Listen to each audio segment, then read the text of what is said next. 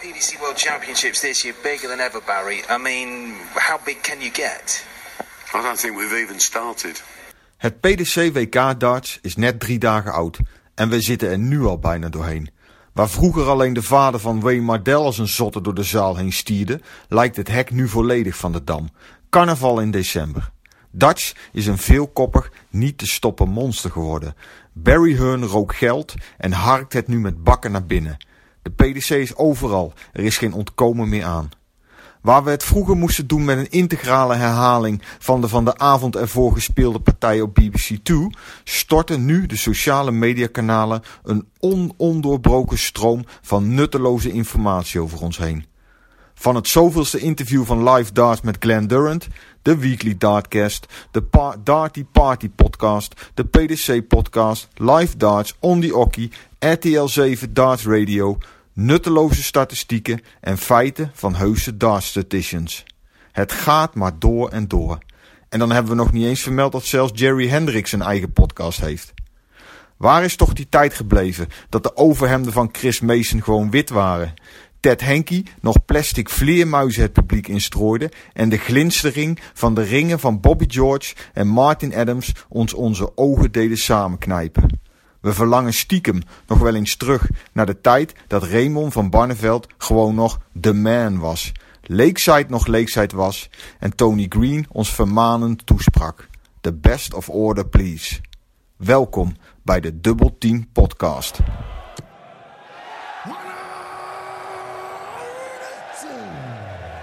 Wat een opening weekend. Wat er allemaal wel niet gebeurde in het eerste weekend van het WK Dutch 2020, het is bijna niet bij te houden.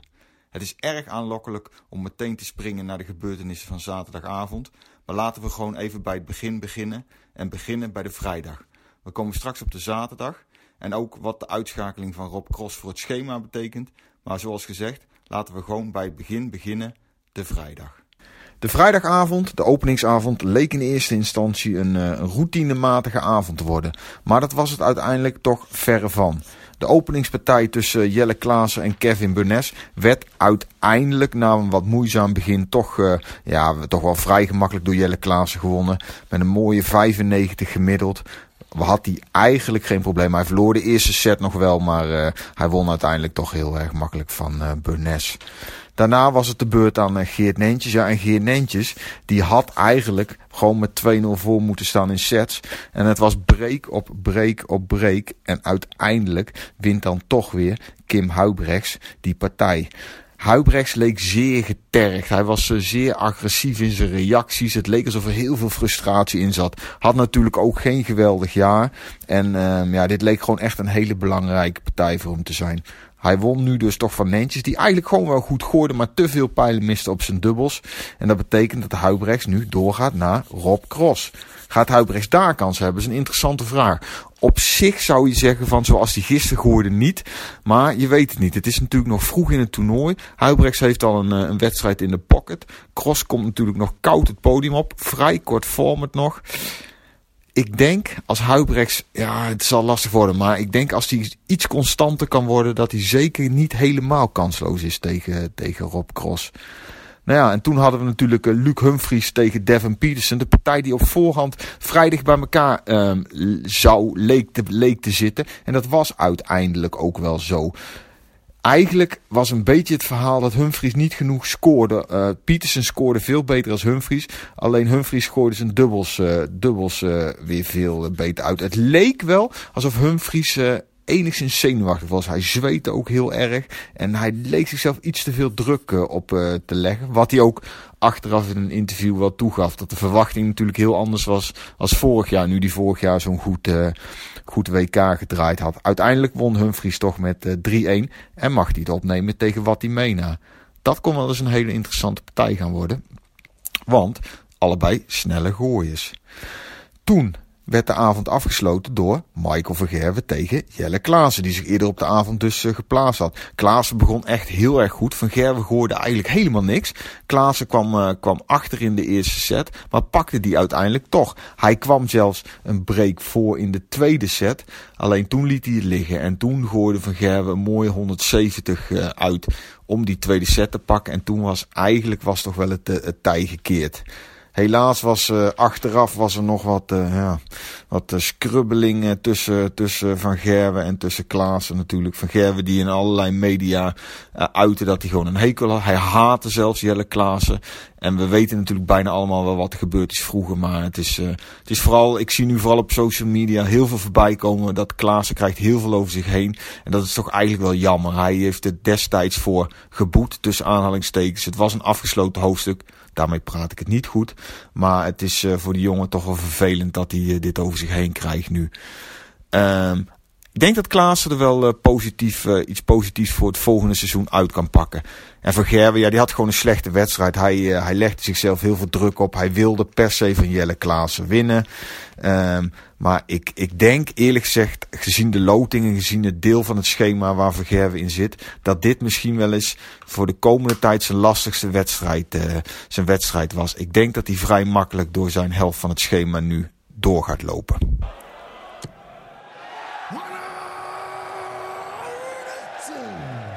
Dan de zaterdagmiddag.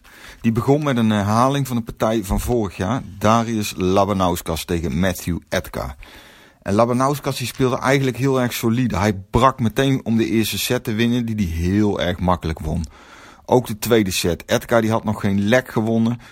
Labanauskas brak hem meteen weer. Speelde heel sterk. Edgar kreeg zelfs geen pijlen op de dubbel. En Labanauskas die stond in de tweede set ongeveer op een 105 gemiddeld te gooien. En aan het eind van die tweede set kwam hij zelfs nog uit op 101 gemiddeld. En Edgar, ja, die kon gewoon echt geen enkele druk zetten op, eh, op, op. Je merkte, toen hij wel wat ging gooien, toen die pijlen voor de set zelfs ging missen, dan zie je toch dat Labanauskas wat, uh, wat in elkaar gaat zakken. Iets wat je ook zag op het Players Championship Finals, waar hij eigenlijk heel makkelijk voorkwam tegen Ryan Mikkel. En Mikkel die ging wat druk zetten, ging beter gooien. En dan zie je toch dat uh, Labanauskas het moeilijk uh, krijgt. En eigenlijk ja, won Labanauskas die wedstrijd heel erg makkelijk met 3-0. En Edgar die kan denk ik beter maar uh, YouTube filmpjes gaan maken in plaats van, uh, van darten. Want ik heb niet het gevoel dat daar nog heel veel in zit. Labanauskas overigens, die gaat spelen tegen Ian White. En dat kon dus wel eens een hele interessante partij worden. Ik verwacht eigenlijk dat uh, White is... Kijk, Labanauskas ziet er nu natuurlijk heel erg goed uit. Maar White is, zal veel meer druk op hem zetten. En ik ben bang dat Labanauskas dan, dan in elkaar gaat zakken. De volgende partij, Ryan Mikkel tegen Yamada. Ja, en dat was toch wel eigenlijk een verrassing. Mikkel was hoog, torenhoog favoriet aan het begin van die wedstrijd. Maar op de een of andere manier, ik vond eigenlijk dat, uh, dat Mikkel een beetje een Michael Smith uitstraling had. Een beetje, een beetje ontevreden met zichzelf. Uh, uh, weet ik niet, rare gezichten trekken. Hij was ook meer bezig met Yamada, die steeds vreed terugliep van het bord. En het ging eigenlijk vrij gelijk op. Maar ik had op een gegeven moment het idee, Mikkel is meer bezig met zijn tegenstander dan dat hij is met darten. En dat bleek uiteindelijk ook wel, want Yamada die speelde eigenlijk helemaal niet zo slecht. Vreemde spelen, maar hij won toch netjes met 3-1. En toen kwam natuurlijk Paul Lim tegen Luke Woodhouse. Luke Woodhouse maakte zijn debuut. Dat kon je van Paul Lim natuurlijk niet echt zeggen. En ik denk dat Paul Lim wel een hele goede tegenstander was voor Luke Woodhouse. Omdat Luke Woodhouse is eigenlijk een hele rustige, beheerste speler. En Paul Lim heeft ook niet veel tempo. En ik denk dat Luke Woodhouse zich daarom ook niet echt uh, zenuwachtig, uh, niet echt zenuwachtig maken. Hij was niet onder de indruk van Paul Lim's reputatie. En eerlijk gezegd had ik nooit echt het gevoel dat Paul Lim echt in die wedstrijd zat. Er zat niet veel tempo in. Woodhouse kon zijn eigen spelletje spelen en won eigenlijk heel makkelijk met 3-0. En nu moet Woodhouse tegen Michael Smit. Dat kon wel eens een interessante partij worden. Want ik denk dat Michael Smit best wel eens last zou kunnen krijgen met het tempo van, zoals ik al eerder zei, van Luke Woodhouse. Smit zal ongetwijfeld wel winnen. Maar ik, ik acht Woodhouse zeker, die gaat zeker een set pakken. Maar als Smit zich echt gaat lopen ergeren aan het tempo en niet in zijn ritme kan komen, zou Woodhouse zomaar eens voor een verrassing kunnen zorgen. Ja, en toen kwam natuurlijk echt de partij van de middag. En zeker van het toernooi, wat mij betreft, tot nu toe. Als je puur naar dat aspect kijkt. Wat die Mena tegen Humphries. Wat die Mena, die kwam echt als een wilde uit de startblok. En denderde met 3-0 over Luke Humphries heen. Ongelooflijk. En maar vooral de set die daarna kwam. Je zou zeggen, oké, Humphries is totaal onder de indruk. Die, die, bij wijze van spreken, na die eerste set weet hij niet wat hem gebeurt. Maar die tweede set van Luke Woodhouse, dat was echt geweldig. Dat ging in 12, 12 en in 11 Dutch. En hij pakte die set met 3-0. Ongelooflijk. En het bleef een ongelooflijk hoog, uh, hoog niveau, de hele wedstrijd. Die uiteindelijk zelfs uh, tot 4-4 ging. En toen, ja, toen kwam natuurlijk op een gegeven moment... Uh, die sudden dead leg, die, uh, waar Woodhouse, uh, of Woodhouse, waar Humphries toch de boel wint. En uiteindelijk gewoon die, die, die wedstrijd pakt. En het was echt, uh, ik denk dat de Jermaine echt, was echt helemaal kapot van zijn verlies. Maar het was echt een geweldige partij. Wat een ongelooflijk hoog niveau. Woodhouse, die, zeg ik weer Woodhouse. Humphries, die, die, ja, die, die gooide echt fantastisch. En zoals ik eigenlijk al in mijn, in mijn voorbeschouwing zei, die, dat is, kon wel eens een dark horse zijn voor het toernooi. Hij krijgt hierna de winnaar van, even kijken, hij krijgt of Joe Cullen of de winnaar Nico Koerts, James Wilson. Daar de winnaar uit, die speelt tegen Joe Cullen. Daar de winnaar van, die speelt dan tegen Luke Humphries. Dan komt Humphries, mocht die partij doorkomen, waar ik eigenlijk wel van uitga. Dan komt Humphries, let op, die zit in het schema aan de kant van Kim Huibrechts. Huibrechts speelt nu, eerst spelen Steve Lennon en Kellen Riders tegen elkaar. De winnaar daarvan gaat tegen Danny Noppert die winnaar daarvan, laten we er even stiekem van uitgaan dat het Noppert zal zijn, die speelt tegen Huibrechts. En de winnaar daarvan, die komt dan tegen Humphries. Humphries zit echt in een goede, in een goede kant van het uh, schema. Oké, op een gegeven moment kan hij natuurlijk uh, Chisnell tegenkomen als hoogstgeplaatste. Uit de onderkant van het schema, Peter Wright zit er nog bij. Maar in de vorm waarin hij nu steekt, let op, Dark Horse voor het tournament.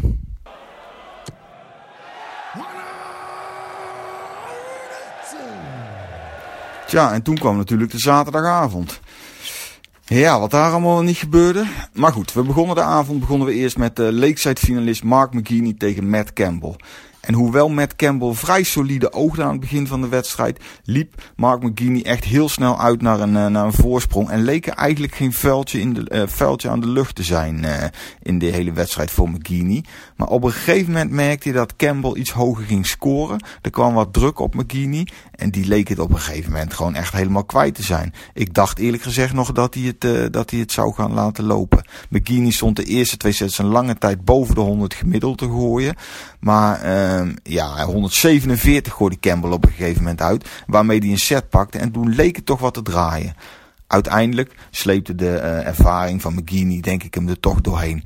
En hopelijk dat hij zijn, uh, dat hij zijn zenuwen een beetje beter onder bedwang kan houden. Hij gaf na afloop aan erg zenuwachtig geweest te zijn voor deze partij. Hopelijk dat hij in de volgende ronde iets, uh, iets rustiger is. En dan vooral het uh, spel uit zijn eerste, eerste twee sets kan laten zien. En dan zou hij nog wel eens aardig, het aardig kunnen gaan doen. Even kijken bij wie McGeaney, aan welke kant hij... Hij krijgt nu Ricky Evans natuurlijk. Oké, hij krijgt nu Ricky Evans. Sneller gooien. Hopelijk gaat hij niet mee in het, in het tempo van Evans. En dan speelt hij zijn eigen spel. En dan nou, zou er wel eens een verrassing in zitten. Hij zit helaas bij Verger aan de kant van het schema. Dus ja, dan zal het uh, wel snel lastig worden mocht hij uh, voorbij Evans komen. Maar goed, ik denk niet dat hij ontevreden is over zijn uh, debuut op het podium. Toen kwam wat mij betreft de saaiste wedstrijd van het toernooi. Zoran Lurgbacher tegen Jamie Hughes. Ik moet eerlijk gezegd zeggen, ik had vooraf verwacht dat uh, Hughes eigenlijk makkelijk van Lergbacher zou gaan winnen. Dat, dat viel toch eventjes vies tegen eigenlijk had ik toch wel het gevoel gedurende de hele partij dat Hughes de betere speler was. Lergbacher gooide erg constant. Maar op de een of andere manier leek het er constant toch nog op dat, uh, dat, uh, dat Hughes die partij zou gaan om, uh, omdraaien. Eigenlijk was nog wel het mooiste moment van deze partij het eind, waarbij Lergbacher acht matchdarts wist te verliezen. Of uh, wist te missen. Maar uh, ja, nou ja, uiteindelijk, uh, uiteindelijk won hij dan toch deze wedstrijd. Die we wat mij betreft eigenlijk wel weer snel mogen, mogen vergeten. Want ja, Hughes is toch een erg langzame speler. En het is niet echt niet aantrekkelijk om naar te kijken. Hetzelfde geldt voor Lergbacher. Maar goed, knap dat hij door was. Hij gooide constant. En op naar de volgende ronde, zullen we maar zeggen. Ik kijk even of ik kan zien waar die zit. Oké, volgende ronde krijgt Lergbacher te maken met Christoph Ratajski. Die zal niet onder de indruk zijn van het tempo van Lergbacher. En is eigenlijk, moet dat, is die gewoon een betere, een betere speler. Tja, en toen, uh, toen gebeurde het. Toen kregen we Raymond van Barneveld in zijn laatste partij tegen de Amerikaan Darren Young. De partij waar iedereen al uh, maanden op aan het wachten was. En die enorm opgeklopt werd natuurlijk het verlies van, uh, van Barneveld. En eigenlijk wat met Oké, hij verliest die partij van, van Darren Jong. Maar wat eigenlijk het belangrijkste was van, uh, van die hele partij leek wel waren de interviews die Raymond uh, achteraf gaf uh, van de, na de afloop van deze wedstrijd. Het is natuurlijk bekend dat hij niet echt een van de vrolijkste is als hij verliest. Maar deze keer was het toch wel heel erg schrijnend, vond ik hoor. Ik vond het interview met Sky in de zaal, met het geluid aan in de zaal, vond ik, ja, dat was gewoon echt pijnlijk. Ik bedoel, hij gaf geen antwoord op vragen. Ik vind het overigens erg begrijpelijk, maar hij geeft geen antwoord op vragen. En de interviewer probeert hem dan nog uh, de positieve dingen te laten zien van, uh, hè, van zijn hele carrière. De zaal probeert hem nog een beetje op te peppen. Daar gaat hij niet in mee. Wat ik overigens erg logisch vind. Ik vind, ik las afgelopen week een interview met, uh, met de manager van Van Barneveld. Dat ze zo'n geweldige band hadden. En een goede klik. En samen, hè, alles samen. En ze voelden elkaar perfect aan. Ik vind eigenlijk dat Van Barneveld tegen zichzelf in bescherming genomen moet worden. Hij moet eigenlijk gewoon zo'n interview niet geven op dat moment. Ik denk dat iedereen daar begrip voor heeft. Hij vliegt er in de eerste ronde onverwacht af. Uh, de emoties zitten, zitten hoog. Uh, komt net van het podium af. Moet een interview aan de zaal geven. Neem die man tegen zichzelf in bescherming. En, en, en laat hem dat interview niet geven. En eigenlijk zou iedereen even ook dat interview terug moeten geven. Kijken wat hij daarna geeft uh, op live darts met Dan Dawson. En eigenlijk zie je dan, dat is iets langer na de wedstrijd. Maar ook daar, hij praat zichzelf echt helemaal de put in. En het is, het is echt schrijnend, schrijnend om te zien. Het lijkt bijna wel dat, uh, dat hij, ja, dat er gewoon, ja, er speelt natuurlijk sowieso al meer. Maar hij maakt het te belangrijk voor zichzelf. En hij gaat echt, echt heel ver. Ik hoop dat er iemand is waar hij mee kan praten de komende tijd. Want uh, dit ging al lang niet meer om een potje darts, had ik het gevoel. Nou ja, en toen, toen dachten we van oké, nu krijgen we Kim Huibrechts tegen Rob Cross. En dat werd ook een enorme schok. Want uh, die won natuurlijk met 3-0. Waarbij Rob Cross zelfs maar twee legs pakte. En ik las dat Cross door dit verlies maar liefst 385.000 pond in de Order of Merit zakt. Dat was echt, hij speelde natuurlijk niet goed de laatste tijd, maar dit was wel een, een erg harde klap. Voor Huibrechts natuurlijk een prachtige overwinning. En hij zit op zich ook wel interessant, want Huibrechts speelt nu of tegen Danny Noppert of tegen de winnaar van Steve Lennon en Kellen Riders. En Huibrechts zit zoals net gezegd aan de kant van het schema waar ook Luke Humphries in zit erg interessant. Fijn voor Kim dat hij, uh, ja, gewoon dat hij wint en dat hij zijn carrière schijnbaar toch weer een andere wending lijkt te geven. Oké, okay, Cross speelde natuurlijk gewoon echt absoluut niet goed. Dat moet ook gezegd worden. En uh, ja, jammer dat hij, de, dat hij er zo snel uitvliegt. Ook voor het toernooi denk ik wel. Um, maar voor Kim een prachtige overwinning. En uh, wie weet kans op meer, want Kim is zeker niet kansloos tegen Danny Noppert of Steve Lennon of Kellen Riders. En wat er daarna kan gebeuren, dat, dat weet je dan toch niet. Nou ja, tot zover een, zeer bewogen zaterdagavond. Die, uh, die uh, met het verlies van Raymond toch een, uh, een, zwart, een zwarte rand kreeg, zullen we maar zeggen. En hopelijk kan het de rest van het toernooi weer over Dutch. Oh nee, één ding wil ik daar nog over zeggen. Ik vind toch eigenlijk ook wel de, de het, het, lijkt wel, kijk, zo voetballers die krijgen natuurlijk mediatraining als, hè, voordat ze voor zo'n camera gegooid worden. En je merkt toch wel darts draait toch ook een beetje. Ik, ik heb ook dat interview gezien. Van, nou ja, interview zou ik het bijna niet willen noemen. Ik denk dat de, de stagiair erop gezet werd. Maar dat interview van nu.nl met Michael van Gerwen over die hele zaak met Jelle Klaassen. Dan moet je, zoek maar even op op YouTube. Dat is ook echt hemeltergend. Dat, dat, dan, dan, dat, dat wordt maar doorgevraagd, er worden maar voorzetten gegeven. Ik vind op een gegeven moment moet zo'n interview ook aanvoelen van... Oké, nou dit thema hebben we gehad, laten we nu eventjes er een draai aan geven. En je ziet dat Van Gerwen, die, die loopt zelfs vol en het, is, het heeft gewoon niks meer met darts te maken. Het is prima dat er een persoonlijk aspect bij komt. Maar op een gegeven moment moet je ook het, gevoel hebben van... Hè, denken van oké, hier zit iemand die zit hoog in zijn emotie. Ik moet hem, ik moet hem uh, een beetje tegen zichzelf in bescherming nemen. Ik denk dat daar ook een, hele belangrijke taak uh, ligt. Goed, verder nu, dat was genoeg hierover. Verder nu met het darten.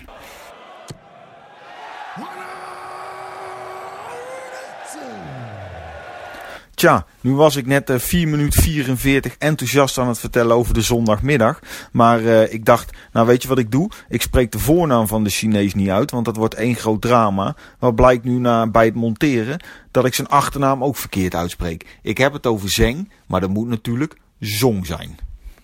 Thank you Dan de zondagmiddag. De zondagmiddag zag er qua programma van tevoren niet erg spectaculair uit. Met Ian White als publiekstrekker in de laatste partij. Ik vraag me af of de mensen die in de zaal zaten blij waren dat ze deze spelers voorgeschoteld kregen. Maar goed, het viel uiteindelijk nog wel mee. We begonnen met Carl Anderson tegen de Chinees Zheng, de 21-jarige beste Chinees van dit moment. Anderson is dit jaar natuurlijk eh, erg uit vorm. Maar leek, nee, leek niet, was op voorhand de torenhoge favoriet. Zeker gezien zijn uh, ervaring. Maar het pakte een beetje anders uit. Zeng die pakte heel erg netjes de eerste set. Stond gewoon 97 gemiddeld te gooien. Ook de tweede set ging naar Zeng. En je zag je zag Anderson al kijken van nee, hè, dit gaat me toch niet gebeuren. De tweede set gooide die 94 gemiddeld.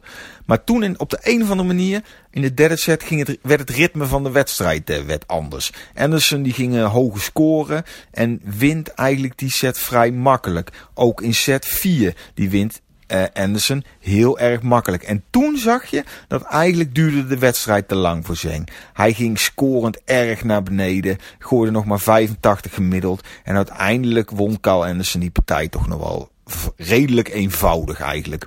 Hij mag nu in de volgende ronde tegen Steve Beaton. Dan zal het echt een stuk beter moeten. Want Beaton die zal, uh, die zal een eventuele voorsprong niet uit de handen laten lopen. Toen kregen we Ross Smit tegen Tien. Tien, de jonge Ier, die 20-jarige Ier, die zich via de Development Tour heeft geplaatst.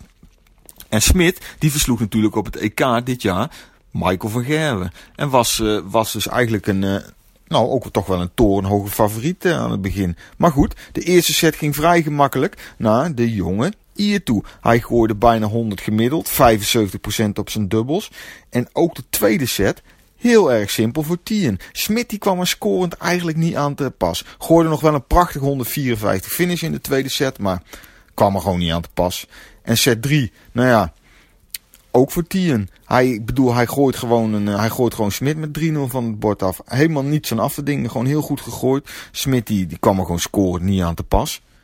Toen kwam die hoor, Brandon Dolan tegen Nitin Kumar, de man uit India die vorig jaar slechts 77 gemiddelde gooide op het WK. Dat zou ik beter moeten tegen Doden. En eigenlijk in de eerste set leek het daar ook wel op. Ik bedoel, niemand wist overigens daar zijn eerste lek te behouden. Break op break. Kuma kreeg een pijl voor de eerste set. Die gooide die niet. Dolen uiteraard weer wel. Het zal ook weer eens niet. En uh, Dolan pakt dan toch de eerste set. En toen zag je eigenlijk wel dat het verzet uh, gebroken was uh, bij Kuma. En wandelde Dolan op zijn bekende manier naar de, naar de overwinning toe. Dolan mag nu de volgende wedstrijd tegen Gary Anderson. En dat kon wel eens een hele interessante partij gaan worden. En toen de klapper van de middag. Ian White tegen Darius Labanauskas. Zou Ian White problemen hebben op het podium? Ja, vooraf dacht ik dus van niet. Ik dacht van nou, hij kan scorend uh, zo onder druk zetten. Die wil nog wel eens shaky zijn als hij wat, wat uh, druk krijgt. Maar daar was vanmiddag eigenlijk geen enkele sprake van. Labanauskas gooide heel erg steady. White gooide hele goede legs. Maar eigenlijk was hij gewoon ook in sommige legs was hij gewoon echt helemaal niet te zien. En... Uh, en Labanauskas die verslapte eigenlijk geen, uh, geen, geen, op geen enkel moment. En won eigenlijk de, eigenlijk de partij gewoon heel erg makkelijk. En dat is toch jammer voor Ian White. Hij, hij, hij wil graag die Premier League in. Ja, hij is niet echt een, net wat ik van tevoren zei, een, een flamboyante speler. Er gebeurt vrij weinig op het podium. Nu verliest hij weer in de eerste ronde. Dus kan hij die Premier League dan op zijn buik schrijven. Hij was wel, vergeet niet, als negende geplaatst voor dit toernooi. En ook nu lukt het Ian White weer niet om zich te plaatsen voor een volgende ronde. Labanauska speelde wel echt heel sterk hoor. En die krijgt in de volgende ronde of Max Hop of een van de winnaars van Benito van der Pas tegen Gabriel Clemens. Dat kan ook een hele interessante partij worden. Let vooral op Clemens. Ik denk nog steeds dat die ver gaat komen in het toernooi. Maar uh, voor Ian White zit het er alweer op. En uh, ja, die kan weer grappige, grappige filmpjes gaan maken in zijn auto. Dat was dan de, de zondagmiddag. Of de zondagavond, die lijkt op voorhand, leek op voorhand meer spektakel te bieden dan de, dan de middag. Maar al met al, de middag viel nog mee. Op voorhand leek het niks te worden, maar het was nog wel een vermakelijke middag.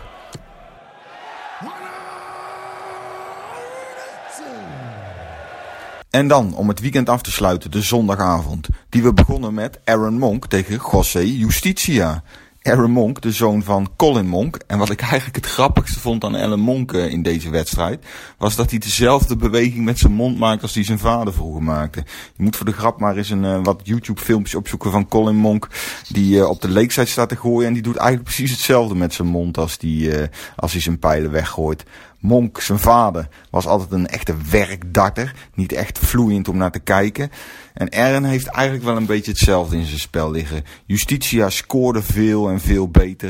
Er zat op zich wel een goede energie in de wedstrijd. Maar uh, ja, Monk die kwam er gewoon echt helemaal niet aan. Hij kon scoren niet bijblijven. En als hij kansen kreeg uh, op zijn dubbels, dan, uh, ja, nou ja, dan miste hij gewoon veel te veel pijlen op zijn dubbels. Hij ging eigenlijk dan ook echt helemaal kansloos van, het, van het podium af. Tegen de man die nog het incident met Adrian Lewis had ooit toen kwam een wedstrijd die uh, maar te bleek, te bleek te duren en te duren. Andy Bolton tegen Danny Baggish. Baggish begon beter in de eerste set. Maar Bolton kwam eigenlijk terug van 2-0 achterstand in die eerste set. En won die set ook. En toen dacht ik eigenlijk van, nou ja, dit is, wordt gewoon Boltons wedstrijd. Hij scoorde echt heel erg veel. Gooide veel 180ers. Maar dit, op de een of andere manier bleef het maar heen en weer jojoen. En hoe Bolton die laatste set wist te verliezen, nou, dat is echt, echt onbegrijpelijk. Maar goed, dit was in ieder geval een wedstrijd waarvan waarschijnlijk iedereen blij was dat die uh, voorbij was. En het uh, niveau was uh, niet, al te, niet al te hoog. Dit soort potjes moet je niet te veel hebben op een WK, want dan wordt het echt een, een taaie zit. Maar gelukkig werd dat goed gemaakt door James Richardson tegen de eerste vrouw die we dit WK gingen zien, Suzuki. En dat was me het potje wel zeg. Eigenlijk had Suzuki gewoon ook echt de eerste set meteen al moeten winnen. En die pakte Richardson toch. En toen leek het eigenlijk van, nou ja, weet je wel, dit, dit, dit was het gewoon. Richardson die kwam voor 2-0 in sets. En toen leek eigenlijk leek, uh, leek de partij gewoon voorbij. Maar ja, toen toen werd het wat anders. Richardson kreeg zelfs nog pijlen voor de wedstrijd. Hij kon een 96 uitgooien. Kreeg een dubbel 8 voor de wedstrijd. Die miste die. Um, die miste die. Daarna kreeg hij nog een keer pijlen voor de wedstrijd op 86. Gooide hij een pijl heel erg dicht bij de boel. Hij zat er echt na. Nou, hij zat echt op het ijzer. En dan was de wedstrijd gewoon afgelopen geweest. Maar ja, Suzuki pakte toch heel erg knap die set weer. Toen brak Suzuki nog uh, Richardson met een hele goede 106 finish in de vierde set. En toen stond het gewoon in één keer 2-2. En wat eigenlijk het opvallendste was van die hele wedstrijd, is dat Richardson. Kijk, altijd is er maar die discussie van hij speelt tegen een vrouw en dat is anders en dat, uh, hè, dat, dat, brengt een andere druk met je mee. Maar Richardson die speelde gewoon zijn wedstrijd. Je merkte gewoon, hij was helemaal niet bezig met tegen een vrouw spelen. Hij speelde gewoon een wedstrijd. En uh, nou ja, toen kregen we dus een laatste set. Het was 2-2. En dan zag je eigenlijk hoe Richardson die eerste lek in die laatste set, dat was eigenlijk het eerste moment dat hij echt iets van druk voelde. Dat was echt, toen miste die, uh, miste die zoveel pijlen om die eerste lek te, te, te winnen. En ja, toen kreeg Suzuki zelfs nog pijlen op 2-0 in de laatste set voor te komen. Helaas misten ze die. Nou ja, en toen... Uh, en toen kwam uh, Richardson toch weer terug. Wat wel weer heel knap was van Suzuki was een 101 finish om die sudden, leg dead, uh, sudden dead af te dwingen. En toen hadden we dus een sudden deadleg te pakken waarin eigenlijk alles mogelijk bleek te zijn. Richardson opende met twee keer 60. Dat leek echt een hele slechte lek van hem te worden. Maar toen zag je toch aan het eind, Suzuki gooide twee slechte beurten waarmee ze eigenlijk niet echt goed druk op Richardson kon zetten. En die gooide toen uiteindelijk de wedstrijd toch uit. Jammer. Maar het was, was echt een spektakel. En het was mooi om te zien dat Suzuki gewoon ook echt um, ja, een wedstrijd gespeeld heeft. Ondanks altijd uh, alle discussie van nou ja, het is een vrouw en daar is het anders tegen gooien. Dit was gewoon echt een wedstrijd. En het was echt uh, ja, heel goed voor het vrouwendarts en gewoon ook heel goed voor het toernooi dat dit ertussen zat. Richardson zal blij zijn waarschijnlijk dat hij tegen John Henderson speelt in de volgende ronde. Het zal allemaal wat, uh, ja, wat bekende terrein voor hem zijn. En uh, ja, wie weet heeft hij daar ook nog wel kans tegen. Die heeft ook geen geweldig seizoen, Henderson. En toen kwam nog de afsluiter van de avond, Michael Smith tegen Luke Woodhouse. En Luke Woodhouse die gooide vier weken geleden pas zijn eerste wedstrijd op tv. Won van Daryl Gurney. En won ook van Michael Smith. En eerlijk gezegd verbaasde me dat helemaal niet zoveel. Want Woodhouse is gewoon een hele steady speler met heel veel composure. Hij laat zich gewoon niet gek maken. En Smith gaat, nou ja, die gaat zich dan weer lopen ergeren. En die is weer meer met zichzelf bezig dan dat hij een dartwedstrijd staat te gooien. Was al niet lekker in vorm de laatste tijd. En Woodhouse wint gewoon nadat hij van Paul Lim heeft gewonnen. Heel knap van Michael Smith. Nou, dat was echt een, uh, echt een prachtig weekend. Uh, met heel veel mooie partijen. Natuurlijk Barney die we gehad hebben. We hebben Michael van Gerwen hebben we gehad. En deze partij van Suzuki was ook zeker een van de hoogtepunten. Niet te vergeten de partij van Jermaine Watimena. Een prachtig weekend. Vanmiddag, maandagmiddag, is er geen middagsessie en alleen een avondsessie. Bedankt voor het luisteren. Wij proberen, ik denk dat we ergens later in deze week weer terug zullen komen. Waarschijnlijk ergens midden in de week, woensdag of donderdag, met een overzicht van de dan gespeelde partijen. In de tussentijd, houd ons in de gaten. Wie weet komt er nog een keer een special tussendoor. Bedankt voor het luisteren. Oh, en uh, vergeet niet een reviewtje achter te laten op iTunes. Neem contact met ons op. We zijn te vinden op Twitter. We zitten zelfs op Instagram. Iedere reactie is welkom. Bedankt voor het luisteren. Thank you, and may the dance be with you.